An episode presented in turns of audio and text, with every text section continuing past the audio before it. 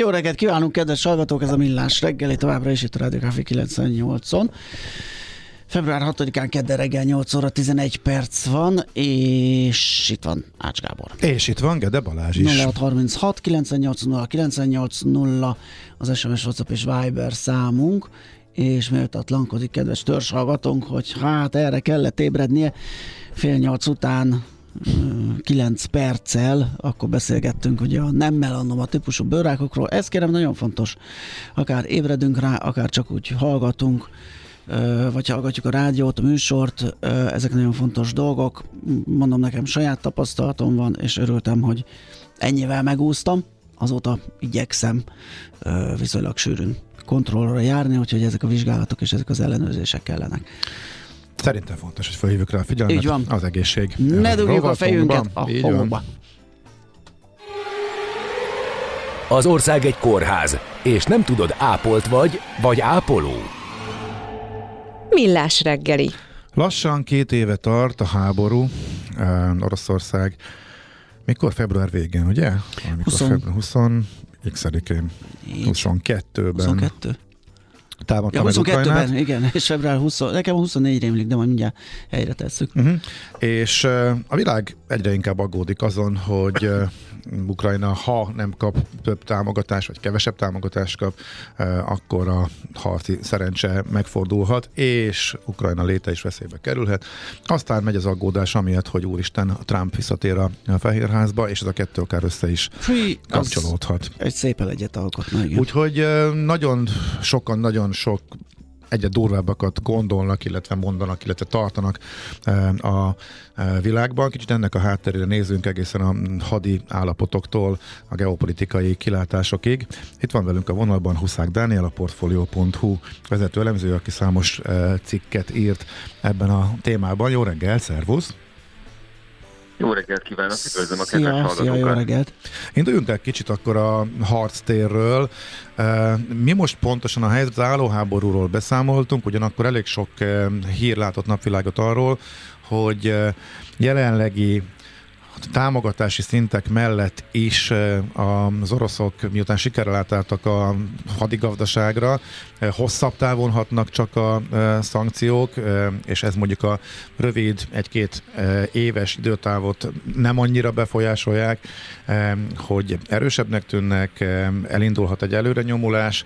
Ugyanakkor az oroszok, a ukránok a kevés emberi erőforrást igénylő, talán több technológiai fejlesztést igénylő harcmodorral tekintélyes, tekintélyes károkat tudnak okozni távoli dróncsapásokkal, illetve a Fekete-tengeri flotta gyengítésével, eh, kilövésével. Ez gondolom mind igaz, de hogy akkor ebből most összességében mi tűnik ki, hogy hogy áll a harci helyzet? Hát összességében ez egy elég csak komplex helyzet, ahogy te is mondtad, jelenleg tényleg úgy tűnik, hogy teljes mértékben álló háborúban a, a, a frontvonalon. Nem látható az, hogy egyik vagy másik haderő túlságosan nagy területeket tudna elhódítani, visszahódítani, de ami, ami aggasztó azért hosszabb távon azt lehet mondani, hogy jelenleg úgy látszik, hogy igencsak gyülekeznek a viharfelhők Ukrajna felett, több ö, olyan tényező is van, ami szerintem hosszabb távon nem túl ö, előnyös Kiev számára. Te is utaltál rá, hogy itt a szankciók és az orosz hadipar összefüggése ö, hogy alakul. Én ö, kicsit ezzel a dologgal, hogy mondjam, szóval borulátó vagyok. Én azt látom, hogy az orosz hadipar az nagyon gyorsan ö, elkezdett átállni teljes mértékben arra, hogy kikerülje a nyugati szankciókat. Megtalálták ezeket a kiskapukat, amelyek segítségével továbbra is high-tech eszközöket tudnak importálni nyugatról, illetve megtalálták azokat a jelentős hadiparral rendelkező országokat, mint Észak-Korea és Irán, amelyek szívesen segítik ezt a területszerző háborút fegyverekkel, haditechnikai eszközökkel. Közben pedig uh, Ukrajna nyugati támogatói azt gondolom, hogy sokak számára talán meglepően gyorsan, uh, uh, hát hogy fogalmazzak, kezdenek kifulladni így a, így a lelkesedésből, uh, ami szerintem elég erős kontraszt ahhoz képest, hogy visszaemlékezünk tavaly tavasszal egyöntetően a nyugati politikusok többsége még azt mondta, hogy hogy ameddig kell, támogatják Ukrajnát, amivel csak, amivel csak tudják, amivel csak akarja Kiev, hogy, hogy a nyugat támogassa őket és ehhez képest így a nyugati országoknak a, a belpolitikai ö, kihívásai, problémái, azok számos akadályt görgetnek Ukrajna útjába. Nyilván a leglátványosabb ezek között az Egyesült Államok, ahol, ahol ugye hónapok óta nem tud megegyezni a két nagy párt arról, hogy pontosan milyen, milyen keretösszeggel segítse Ukrajnát a jövőben. Nyilvánvalóan ennek számos más oka is van, tehát ugye röviden azt kell tudni, hogy itt van egy nagy csomag, ami, ami, ami ugye Izrael támogatását és határvédelmet és támogat, ami határvédelmet és Izrael támogatását is megfinanszírozna, de republikánusok úgy érzik, hogy, hogy keveset költ a Biden kormány a határa, és akkor ezért Ukrajna támogatását se szavazzák meg. Ugye nagy probléma az lekapcsolatosan, hogy amíg, amíg ez a törvénycsomag nem megy át a a, az amerikai kongresszuson, addig gyakorlatilag nem nagyon kap semmilyen fegyvert Ukrajna Amerikától, mert a korábban megszavazott keretrendszer az már kifutott, így, így erősen, erősen billeg a, a dolog. És az a gond, hogy ugye, hogyha meg is szavazzák a kongresszusban akár egy-két hónapon belül, akár a választások után ezt a, ezt a törvénycsomagot, Amerika ugye Ukrajna torony magasan legmagasabb támogatója volt, fegyverek tekintetében legalábbis mindenképpen, és ez azt az üzenetet küldi a, a nyugati országoknak, hogyha Amerika úgymond ráír hónapokon keresztül politikai vitákat folytatni erről az igencsak kulcsfontosságú kérdésről, akkor igazából lehet, hogy talán nem is annyira fontos ez az ügy, mint, mint, mint akár egy évvel ezelőtt egyes nyugati politikusok hangoztatták. Azt látom, hogy ez, ez elég problémás, mert hogyha Amerika nem áll ennek a ennek az ügynek az élére, akkor más nyugat-európai országok is azt fogják érezni, hogy, hogy hát ha Amerika se csinálja, akkor igazából én minek támogassam tovább Ukrajnát. Hát például, és nyilván ők is, azért, mert... ők is választókban gondolkodnak, és nekik relatíve ez egy távoli pont, gondolom, és egyre nehezebb eladni a a választóknak azt, hogy miért kéne ide önteni a dollármilliárdokat uh, erre a Egyrészt igen, de hogy Európában meg ugye közel vannak, és a igen. választók azt is talán jobban érzik, hogy uh, még mindig kisebb költség, hogyha szigorúan költségszemléletben nézzük Ukrajnát finanszírozni, mm. mint mondjuk a NATO-t, hogyha Ukrajna közelebb, vagy ha Oroszország közelebb kerül a NATO határaihoz Európában. Én nem vagyok optimista, hogy ennyire szofisztikált gondolkodása van a választóknak. Igen. Lehet. Őszintén szóval én azért annyira az európai választókon sem érzem azt, hogy annyira határtalanul támogatnák uh-huh. még mindig Ukrajnát, az, az látható, hogy, hogy szerintem főleg ugye a tőlünk nyugatra lévő országokban elég gyorsan alapadt a lelkesedés. Ez látható a politikai döntéseken és meg a választói attitűdöken is. Tehát, ha megnézitek, itt amikor Oroszország inváziót indított Ukrajna ellen, itt Európa vezetői egyöntetően bejelentették, hogy itt óriási nagy haderőfejlesztési programok lesznek, fegyvervásárlások, stb. És ha megnézitek a balti, balti államokon, Lengyelországon, Románián és Magyarországon kívül, igazából senki nem, nem indított komolyabb haderőfejlesztési programot a az orosz invázió kezdete óta vagy előtt. Tehát én, én azért azt látom, hogy, hogy így tőlünk mhm. nyugatra is így elég gyorsan. Tehát ez megint az érzékelés, ugye, hogy akik nagyon közel vannak a, a problémához, azoknál indult ez be, ahol már kicsit távolabb ott lanyult a lelkesedés. Uh-huh. Így van. Hogyha így marad, és mondjuk csökkennek a támogatások, tehát érkeznek a támogatások, ugye pénzügyi támogatást is kap, Ukrajna ugye most szavazták meg, fegyverek is érkeznek úgy, ahogy, de ez mire elég a hadszintéren? Tehát ebből megindulhatnak az oroszok ismét keleti irányba újabb területeket elfoglalni, vagy pedig miután azt is ugye sokszor halljuk, hogy védekezni azért sokkal könnyebb, és az oroszoknak sincsen annyi erejük, hogy újabb területeket foglalhatnak. Annyi történik, hogy hát a, ugyanúgy befagyva marad a hadszintér, vagy állóháború, csak az ukránok kényszerülnek folyamatos védekezésre, és az oroszok mennek nagyon lassan nagy emberveszteséggel előre. Tehát melyik uh-huh. verzió? Mert akkor gondolom, hogy előtérbe kerülhet a politikai megoldás, hogy megpróbálják majd Ukrajnát rávenni a területveszteségek elfogadására a nyugati hatalmak is. Hát nézd, hogyha csak a papírformából indulunk ki, akkor ez egy veszélyes helyzet, mert az látható, hogy a, az orosz hadipar az most nagyon felpörgött, a nyugati hadipar pedig, pedig nagyon hát hogy fogalmazzak, visszafogta Ukrajna támogatását. Tehát, hogyha ez így marad, az nyilvánvalóan egy igencsak aggasztó helyzetet teremt Ukrajna számára, de hát látjuk azért, hogy a konfliktus során elég sok minden van, ami nem a papírforma szerint alakult. Azt gondolom azért, hogy, hogy sokan, sokan újra és újra meglepődtek azon, hogy az orosz haderő az milyen szinten képes alulmúlni saját magát különféle tevékenységek során, kivált ugye az offenzívák során. Tehát, hogyha ha arra gondoltok, hogy mi történt akár a háború első hetei során, ugye a Kiev elleni invázió során, vagy beszéljünk akár a, a 2022 őszi ukrán ellentámadásról, amikor hatalmas területeket adott fel az orosz haderő hetek alatt, tehát itt úgy gondolom, hogy bármikor lehetnek meglepetések. Most az, hogy a, az orosz haderő mennyi eszköz jár, vagy milyen eszközökkel rendelkezik, vagy nem rendelkezik, az az azért csak egy faktor a sokból, ami eldöntheti egy konfliktus menetét. Nyilvánvalóan az orosz haderőnek nem csupán a felszereltsége van a problémái, hanem itt komoly logisztikai, hadszervezési, morálbeli problémák vannak, amelyeknek az orvoslása igazából hosszú távon szerintem annyira nem látszik. Tehát, hogyha megnézitek a a, a frontvonalon készülő videókat sokszor még mindig ugyanazokat a, ugyanazokat a taktikákat használják az orosz képesített gyalogsági alakulatok, amelyek ugyanolyan sikertelenek voltak a,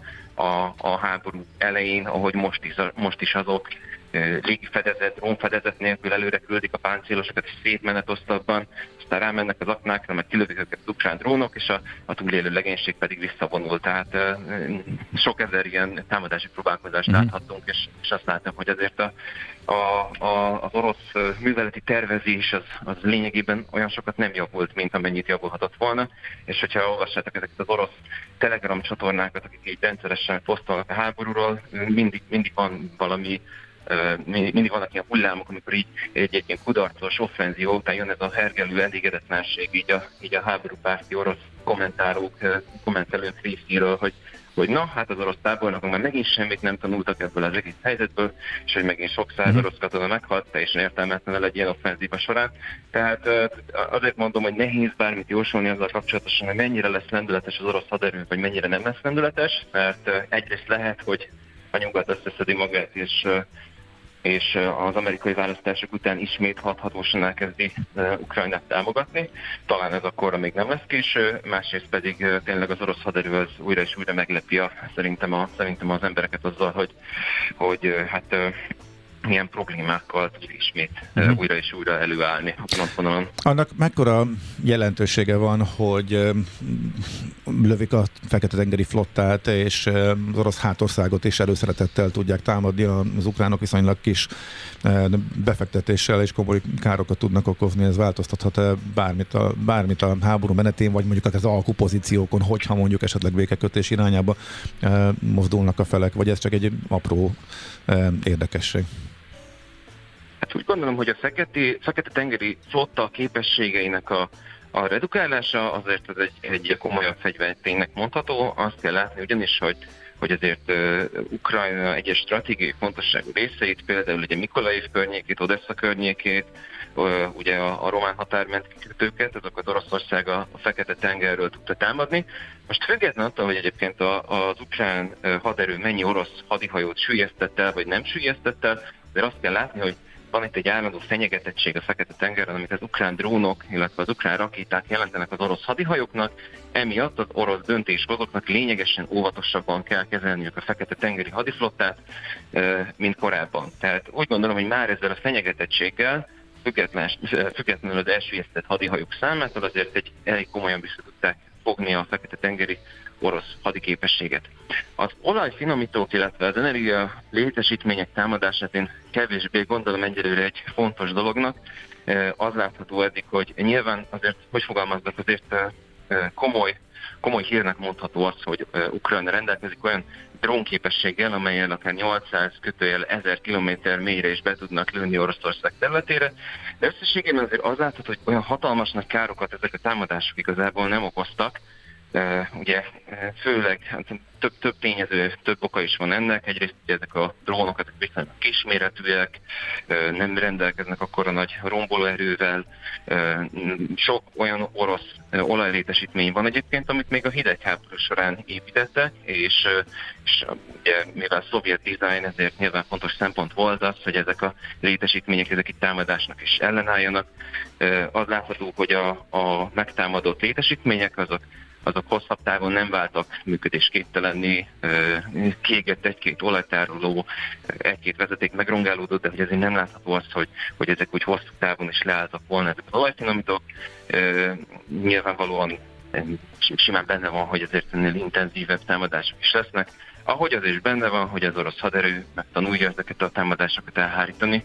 Tehát azért az, az látható, hogy folyamatosan megy egy technológiai verseny a, a, a felek között. Az ukránok egyre jobb drónokat fejlesztenek, az oroszok pedig egyre jobb légvédelmi és elektronikus harcászati képességekkel reagálnak erre. Tehát teljesen benne van az, hogy hogy, hogy most kiemelten fognak erre a fenyegetettségre is figyelni, és akkor olyan elektronikus uh-huh. harcászati rendszereket telepítenek, amelyek kifejezetten ezeket, a, ezeket a, az objektumokat védik majd meg. Tehát uh, nagy kérdés, hogy ebből, ebből, ebből mi lesz hosszú távon. De azért én azt gondolom, hogy, hogy jelenleg nem, nem látszik még az, hogy, hogy Ukrajna olyan hatalmasnak kell okozni az, az orosz energiaexport infrastruktúrában, uh-huh. hosszabb távon is. Akkor viszont térjünk vissza még a Trump kérdésre.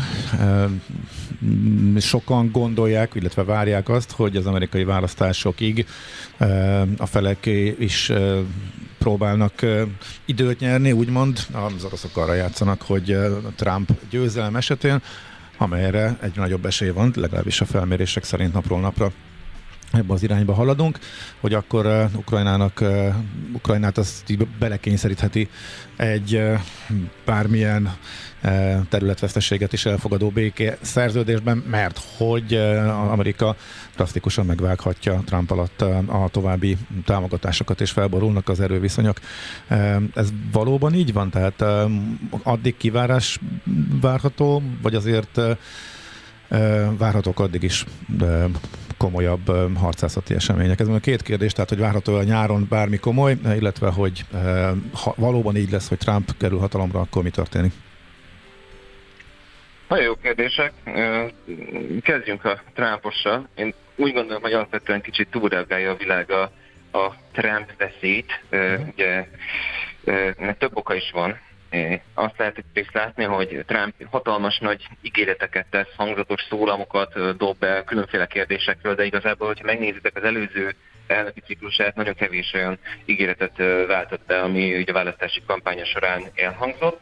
Másik pedig az, hogy Amerikában nagyon sok szempontból kiválóan működnek a fékipis ellensúlyok rendszerei, tehát nem tud egy egy amerikai elnök egy csettintésre akkora nagy geopolitikai változásokat hozni, ami, ami, ami feltétlenül egy ilyen helyzetet radikálisan befolyásolna.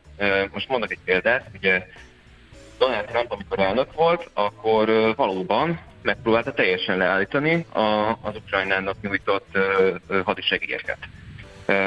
Volt is ebből egy, egy kisebb botrány, az lett a vége, hogy a, az amerikai kongresszus, beleértve Trump pártját, a republikánus pártot is, eltörölte a Trump Ukrajna támogatásának leállítására vonatkozó próbálkozásait, rendeleteit, és ugyanúgy folytatták tovább az ország segélyezését haditechnikai eszközökkel és anyagi forrásokkal. Tehát azért ez, ez a precedens azt mutatja, hogyha Trump valóban is úgy gondolja, hogy, hogy, hogy Ukrajnának le kell teljesen állítani a támogatását, amire szerintem maximum utal, de ezt így explicit nem mondta ki, akkor is azért a kongresszus alaposan meg tudja kötni az elnöknek a kezét sok kérdésben. De például aggódnak itt nagyon a NATO kilépéssel kapcsolatosan is. Hát erre is csak utalgatott, Ez nem? is egy olyan, uh-huh.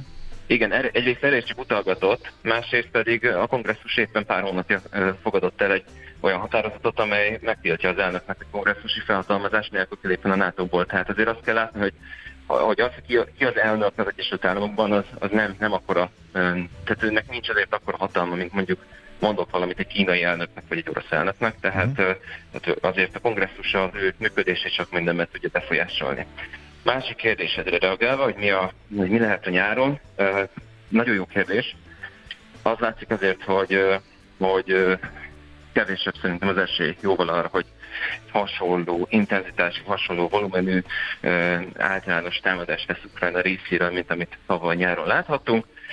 Ennek ugye főleg az az oka, hogy Ukrajna nagyon-nagyon sok modern fegyverét felhasználta a tavaly nyári támadás során, és azóta a nyugati segélyezés az igencsak elapadt, de nem mindent. Tehát kapott adott Ukrajna majdnem 200 Leopard egyes harckocsit, kapott 31 Abrams harckocsit, most ugye érkeznek az F-16-os vadászbombázók, új nagy hatótávolságú irányított szárazföldi indítású bombákat kap Ukrajna, tehát azért nem állt teljesen az, az ország támogatottsága, de nagy kérdés inkább az, hogy ezeket, a, ezeket az eszközöket, ezeket egy ilyen aktív védekezési stratégiába akarják meg felhasználni, vagy inkább most, vagy inkább megpróbálkoznak egy újabb, egy újabb nagy támadással.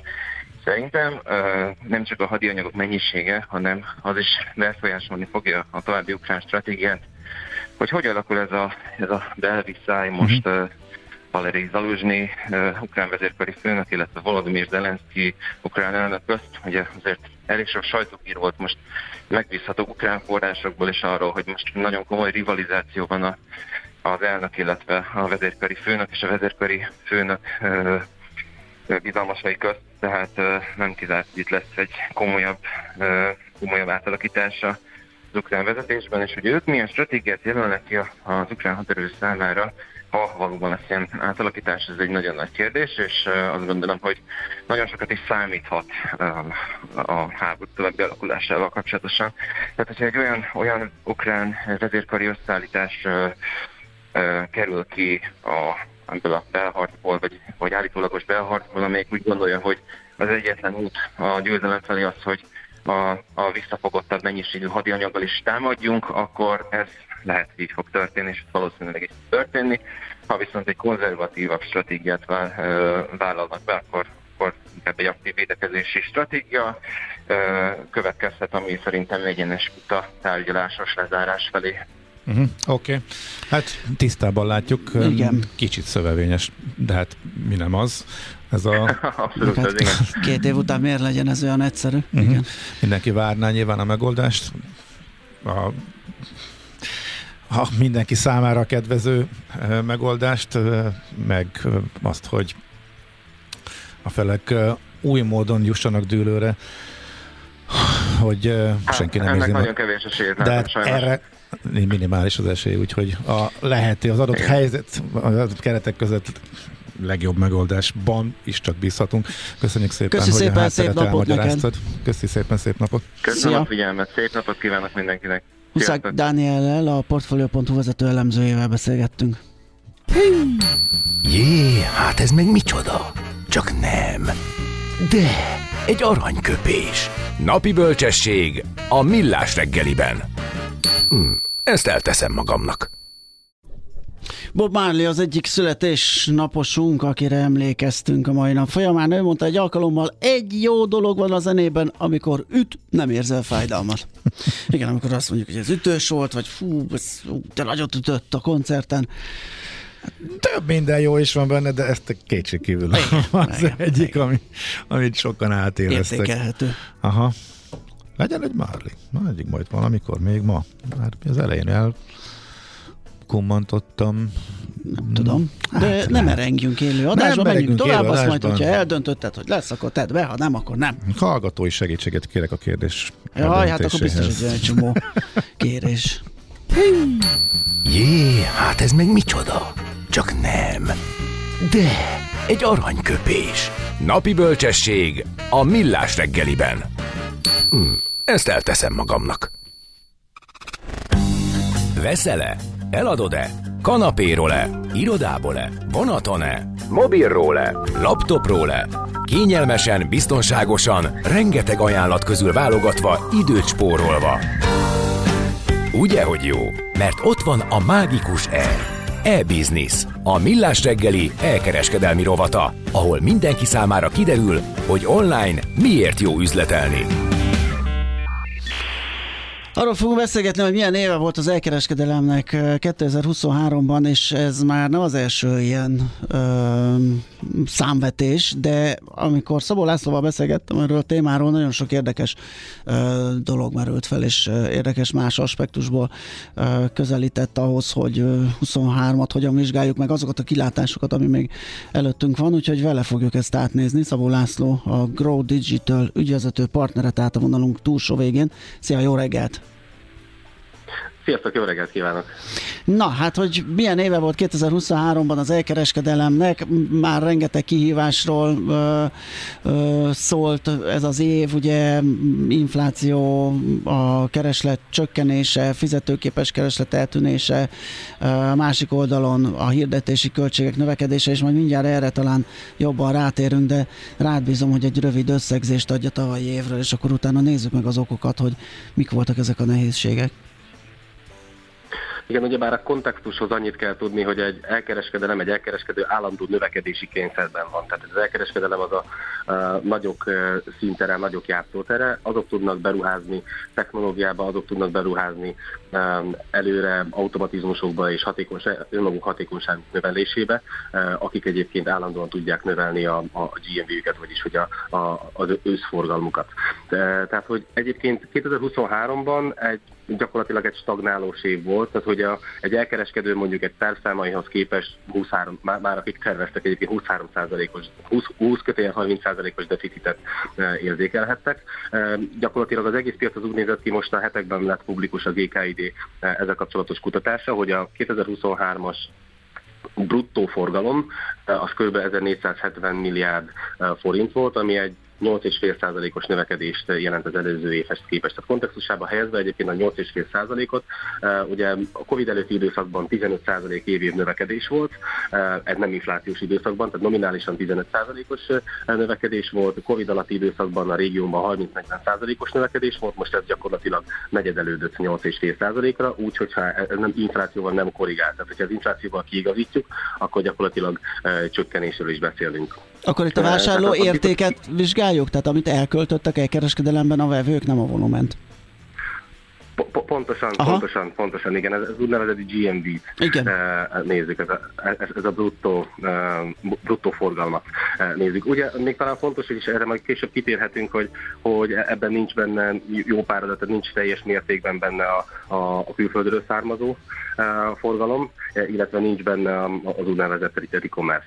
De hogy egyébként 2023-ban kihívásokban és megoldó feladatokban nem volt hiánya az biztos az elkereskedőnek, mert három hatás egyszerre érvényesült. Tehát az egy, e, egyik oldalról stagnált a fizetőképes kereslet, tehát a, vásárlóerő egyébként csökkent, az elkölthető, elkölthető pénz a háztartásokban effektíve a pénztár alacsonyabb volt, vagy békonyabb volt a pénztár.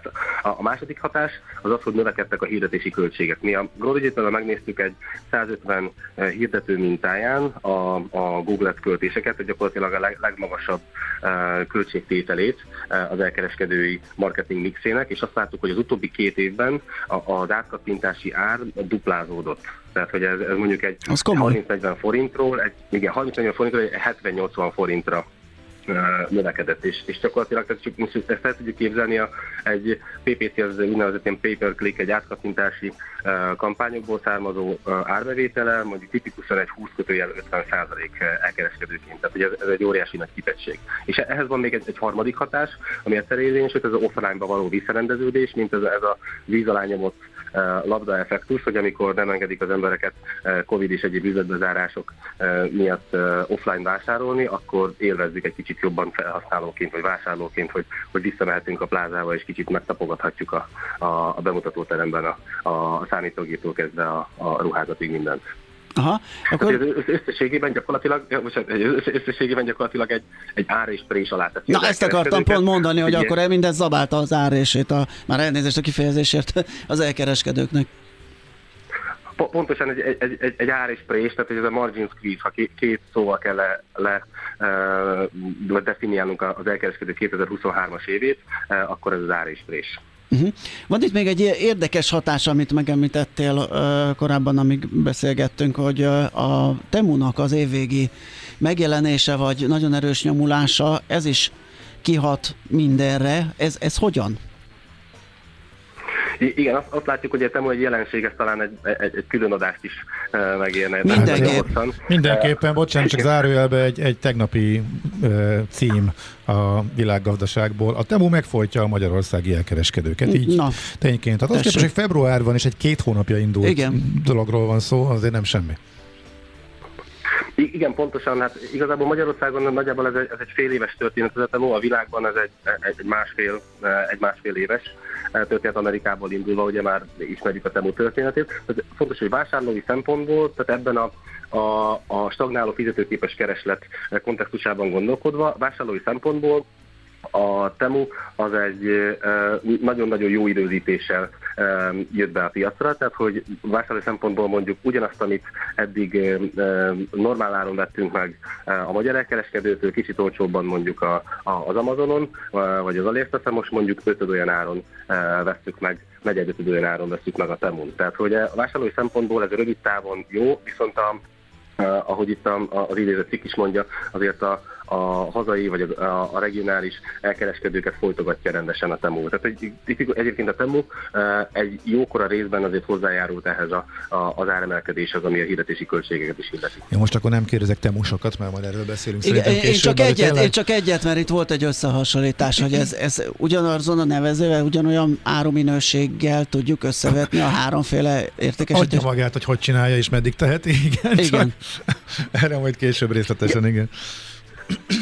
Úgy gondolom egyébként, hogy, hogy te mondtad, hogy a vásárlóknak, tehát a temu jelenség az itt van, és számolni is kell, mert az elkereskedőkkel beszélgetve azért ez feljön, hogy meddig lesz, meddig bírja ezt a temu, meddig lesz itt. Úgy gondolom, hogy úgy, ahogy jó pár piaci szereplő nem rövid távú pénzügyi vagy nem feltétlenül csak piaci pénzügyi gondolkodással van a piacon, úgy a, úgy a temu jelenséggel is számolnunk kell. Az biztos, hogy 2024-ben legalább és, és gyakorlatilag ez a minőséggel kapcsolatos kérdés ez mindig feljön. A vásárlóként pedig meg kell tanulnunk a temun válogatni, a temun, temun kikeresni azt, ami minőségileg hát, hát nem agályos egyébként. Az elkereskedőknek pedig az biztos, hogy van ezzel feladatuk, hogy, hogy hát, többletértéket mutassanak. Nem kevés, most, hogyha én egy kezdő vagy egy gondolatban mm, elkereskedést indító valaki lennék, vagy ezzel kacérkodnék, nagyon nem jött meg a kedvem. Tehát mennyire reménytelen a helyzet, hogy mennyire lehetnek olyan területei, szegmensei az elkereskedelmnek, ahol azért még van keresni való, és vannak kitörési pontok? Az biztos, hogy egyébként úgy, ahogy egy Covid időszak során, ez a két-három év során hátszél volt, akkor most ellencél van. Tehát nem, nem teljesen reménytelen a helyzet, egy nehezített pálya van az elkereskedők számára. Azt látjuk egyébként, hogy a régióban is sikeres elkereskedők egy, gyakorlatilag egy, egy, egy profit növelési ciklusban vannak, míg mondjuk egy, egy COVID, COVID előtti, COVID soráni időszakban egy, egy piac növelési stratégiával mentek. Most gyakorlatilag a profitábilis növekedés stratégiája az, ami a, a, a nyerő, és, és gyakorlatilag ennek két része van. A, a, az egyik a hatékonyságnövelés, tehát pont erre az árésre való fókusz, a második pedig a, ez a ár és per bevételnövelés három dimenzióban. És azt látjuk egyébként, hogy sikeres elkereskedők három dimenzióban gondolkodnak, amikor ár és vagy bevételnövekedésről van szó, és ez a három az egyik, a háromból az egyik a, a termékportfólió szélesítés, tehát hogy, hogy egyre szélesebb termékportfóliót árulni, a másik az, az egy, egy csatorna szélesítés, tehát hogy a, a piacterek, a marketplace az már jelen, és ez egy új része mindenképpen a csatorna mixüknek.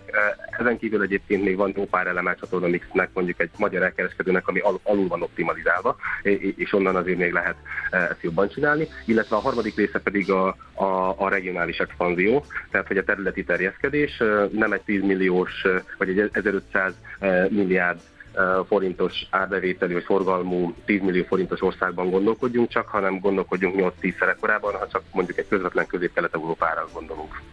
Uh-huh. Akkor még egy ö, utolsó, az utolsó-utolsó kérdés, hogy amiket mindezt elmondtál, ez mennyire rázta meg a piacot? Tehát az oké, okay, hogy nehéz a, most egy kicsit a, a, a gazdálkodás és a, a működés, de ilyenkor azért vannak áldozatai is az ilyen nehéz körülményeknek. Ismerősek-e esetleg olyan webáruház bezárások, amik azért olyan tényezők voltak a piacon?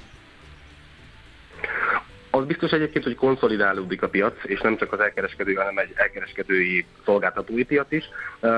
Pont nemrég pár hónapja elkereskedőkkel beszélgetve jött fel, amikor megkérdeztem, hogy az évi növekedésük most nem marad el a vártól, és akkor egyébként a helyes hozzáállás az, pont egy, az egyik, egyik nagyon jól gyakorlatilag lefesti az egyik ilyen beszélgetésem ezt a jó hozzáállást, hogy azt mondta, hogy figyelj, itt vagyunk 15-20 éve a piacon, legalább kettő ilyen válságot egyébként túléltünk már. Az a házi feladatunk, hogy most a hatékonyságra fókuszáljunk, tehát hogy most nem tudom, egy, Covid időszakkal összemérve nem a, nem a nagyobb raktárat keressük, és, és ott keressük, hogy, hogy hogy vegyük fel ötösével, tízesével az embereket, hanem, hanem belső optimalizálás az, ami a házi feladatunk, ezt elvégezzük, és amikor jön egy újabb expanziós időszak, akkor pedig azt nagyon fogjuk várni.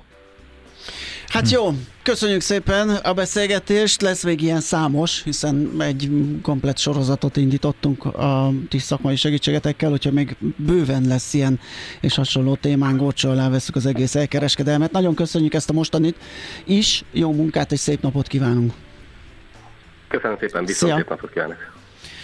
Szabó Lászlóval a Grow Digital ügyvezető partnerével beszélgettünk. Na megtaláltad-e? E-Business, a millás reggeli elkereskedelmi robata hangzott el. E-Business. Üzletei online.